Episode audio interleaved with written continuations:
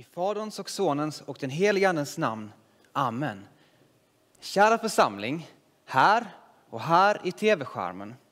Det är väldigt roligt att få vara här och predika och det är lite extra roligt att få vara här och predika idag, för idag fyller jag år. Och idag så fyller jag år eh, lite big time, jag fyller 30 år idag. 30 år, en enligt mig tämligen vördnadsfull ålder. Förmodligen den ålder som Jesus uppnått då hans offentliga gärning påbörjades. 30 år. Nu kanske äntligen folk har anledning att lyssna på mig. Mm.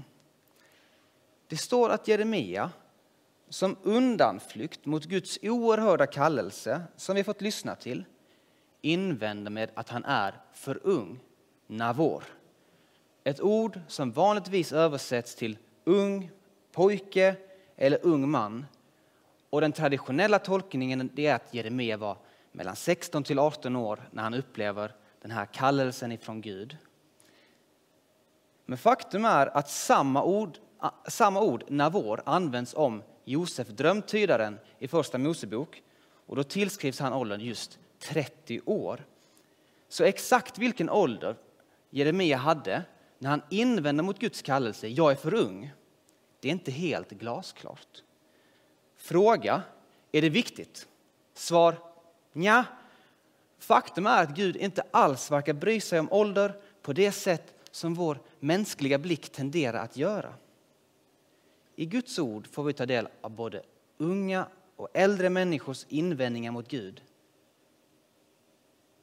Men det verkar som att Gud har en annan blick på oss.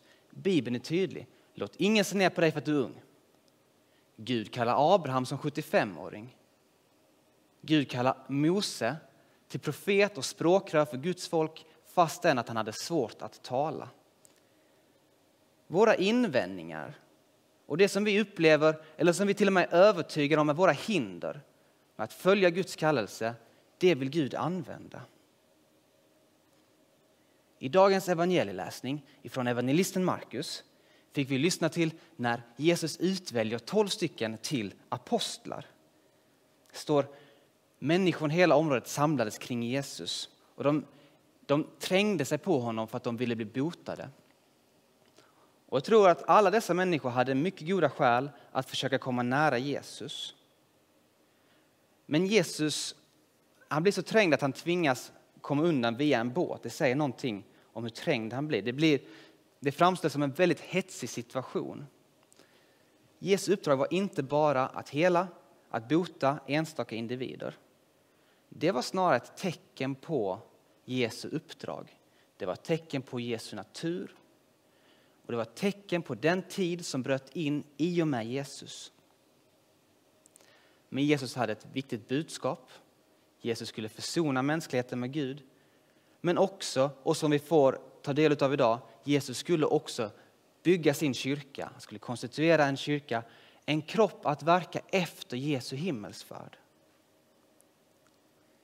Därför tar Jesus med de utvalda att följa honom upp på berget. Det stod bara på berget i bestämd singularis utan att evangelisten Markus anger vilket berg.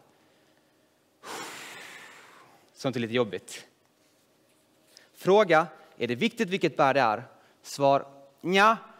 Däremot är det förmodligen inte en slump att Jesus kallar sina utvalda ifrån ett berg.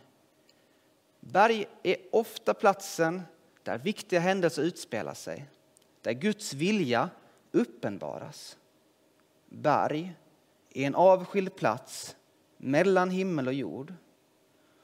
Och formuleringen upp på berget ekar från när Mose gick upp på berget och förbundet med Guds folk slöts. Det finns ett djupt samband mellan de två händelserna.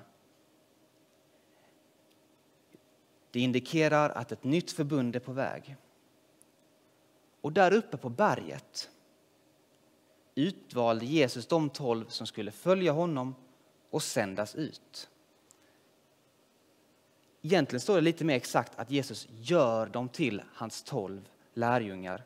Jesus gör dem till de tolv som ska följa Jesus och sändas ut. Fråga, är det viktigt med den här översättningsgrejen med att Jesus gör dem till sina lärjungar, inte bara utväljer? Svar ja, det tror jag.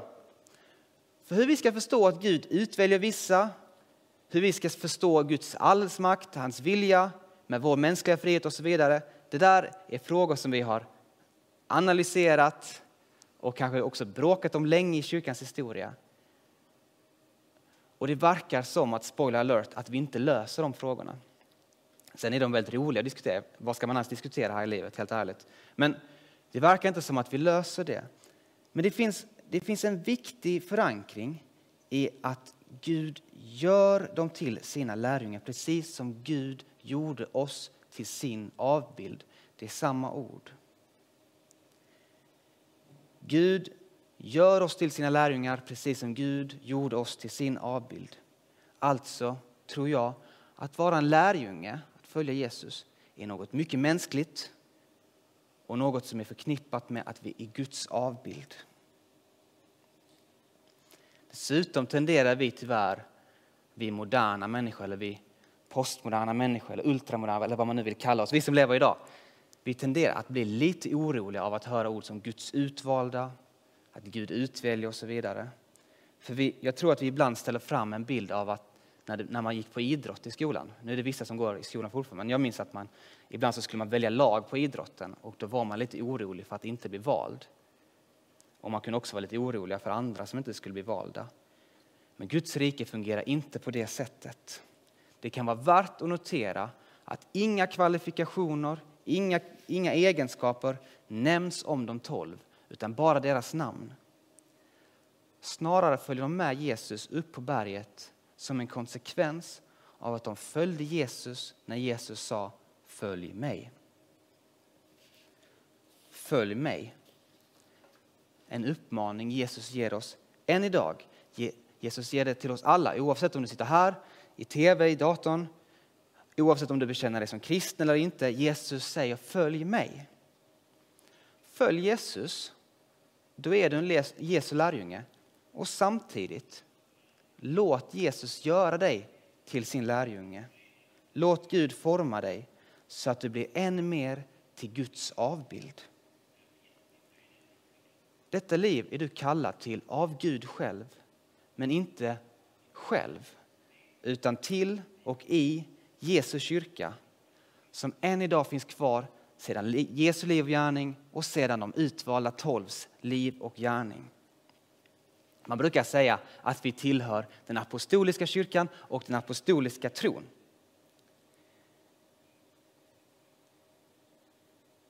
Och Det betyder att vår kyrkas tro bygger på apostlarnas vittne om Jesus. Jesus skrev ingenting, utan vi lever och vi tror efter vad apostlarna har sagt om Jesus. Och när du är en del av denna apostoliska kyrka, kroppen som Jesus är huvud för, får man vara beredd på att Jesus sänder oss. Och vad det kan innebära rent konkret i ditt liv och idag och under dessa omständigheter som råder nu, det tror jag faktiskt är något mellan dig och Gud, men alltid i relation till Jesu kyrka.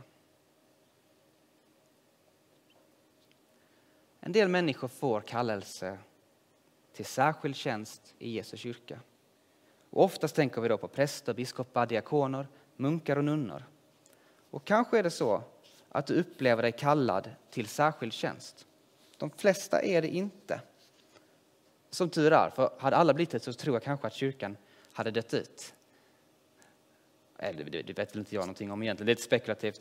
Men å andra sidan kanske kyrkan också hade dött ut om vi inte hade haft några som gått in i särskild tjänst, vem vet? Men denna söndag är ett gyllene läge för dig som har de här tankarna att söka andlig urskiljning. Att be för det och i din församling söka vägledning. Tankar om särskild tjänst, att, att jobba i Jesu kyrka, ska inte göras till ett soloprojekt. Det är inte så Jesus har byggt sin kyrka. Och här talar lite grann av egen erfarenhet. Särskild tjänst, eller exempelvis särskilt prästämbete, betyder inte att de som går in i det är några superkristna. Och då kommer här ett vittnesbörd från Uppsala där jag bor. Jag umgås mycket med blivande präster och jag har aldrig sagt något mer sant i hela mitt liv att så är det inte. Uppenbart inte. Kanske annorlunda i Lund, jag vet inte. Det är inga superkristna som går in i det, men, men särskild tjänst handlar bland annat om, och här kan man tänka lite olika, om att det som är alla kristnas kallelse får några gå in lite mer i heltid på. Man avskiljs på något sätt för att jobba med det. Magnus och Karl som är präster här har inte ett annat uppdrag än alla andra kristna har. De ska visserligen ha lovat att de ska förvalta sakramenten och de har tystnadsplikt och sådana grejer. Och det där är inte alla kristnas roll. Men det är alla kristnas uppgift att det finns i församling och det är alla kristnas intresse. Detta är också en söndag, vill jag säga, som passar utmärkt att be för den präst som är satt att tjäna i din församling. Jesus säger än idag, följ mig. Och när man följer Jesus så sänds man också. Att följa Jesus och sändning ligger nära. Men det är aldrig så att när man följer Jesus så puttar Jesus ut den till sändning. Jesus har sagt, gå ut och gör alla folk till lärjungar. Döp dem i Faderns och Sonens och den helige Andes namn och lär dem att hålla alla de bud som jag har gett er. Och jag är med er alla dagar till tidens slut. Sändning betyder inte att Jesus puttar iväg en, utan att Jesus går med en någonstans. Det gjorde de tolv tillsammans med jungfru Maria, Maria Magdalena. Det har kyrkan gjort i alla tider och det ska vi göra än idag. Nu är det vår tid. Nu är Guds tid. Apostlarna är våra förebilder i att följa Jesus som kom till världen för att sona mänskligheten med Gud. Jesus är den eviga läkaren. Jesus har gjort allt. Så vår uppgift är att peka på vad Jesus har gjort. Peka på lammet. I våra liv förmedla och gestalta, se Guds lamm som borttag av världens synder. Att göra som lärjungarna gjorde. Stå upp för Jesus och när de misslyckades med det så vände de sig till Jesus och i kraft i förlåtelsen så fortsatte de vidare ända in i martyrdöd. Den här söndagen är en så kallad röd söndag. Det påminner delvis om den heliga Andes ledning men påminner också om att kristna har fått spilt blod för sin tros skull. Vi har alla våra invändningar mot Guds kallelse, precis som Mose, Jeremia, till och med Maria som undrar hur undret ska ske. Men vi får i gemenskap med Maria säga vad hon sa till Gud när Gud kallade henne. Maria sa, jag är Herrens tjänarinna. Må det ske med mig som du har sagt. Göra som lärjungarna, beredda att lämna sina nät och följa Jesus. Göra som Paulus, Junia, heliga Birgitta, Luther, Rosenius och än vilka kristna förebilder man nu har. Vi tillhör samma kyrka som dessa men vi tillhör också samma kyrka som alla de vi inte har en aning om vilka de är. När man läser om vår kyrkas historia så upptäcker man, och när man ser runt i sin kyrka vad som händer idag, den är väl större än någonsin, upptäcker man att vi är en kyrka omgiven av mäktiga vittnen. Och då säger Paulus, när man upptäcker detta, så står det det står i Hebreerbrevet, förlåt. I Hebreerbrevet står det, låt oss då befrias från allt som tynger, all synd som ansätter oss och hålla ut i det lopp som vi har framför oss. Ha blicken fäst vid Jesus, trons upphovsman och fullkomnare. Jesus kallar på dig. Följ Jesus till berget, din avskilda plats mellan himmel och jord. Möt Jesus i din själ. Möt Jesus i bönen, i lovsången och i tystnaden. Där på berget finns Mästaren och kallar dig till sig precis som det står i denna kyrksal.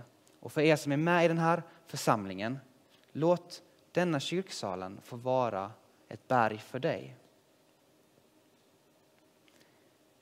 Jesus har utvalt dig att följa honom och därmed sändas ut i ditt liv som en Jesu lärjunge. Och Jesus vill använda dig och det som du är bra på och det som du är övertygad om är dina hinder, dina svagheter vill Gud också använda. Och bottna i, när du går fram i livet, oavsett hur det ser ut, att Jesus är med dig alla dagar till tidens slut. Gud bryter inga löften. Gud tror på dig, så tro på Gud. Ära vare Fadern och Sonen och den helige Anden, så som det var av begynnelsen, nu är och skall vara, från evighet till evighet. Amen.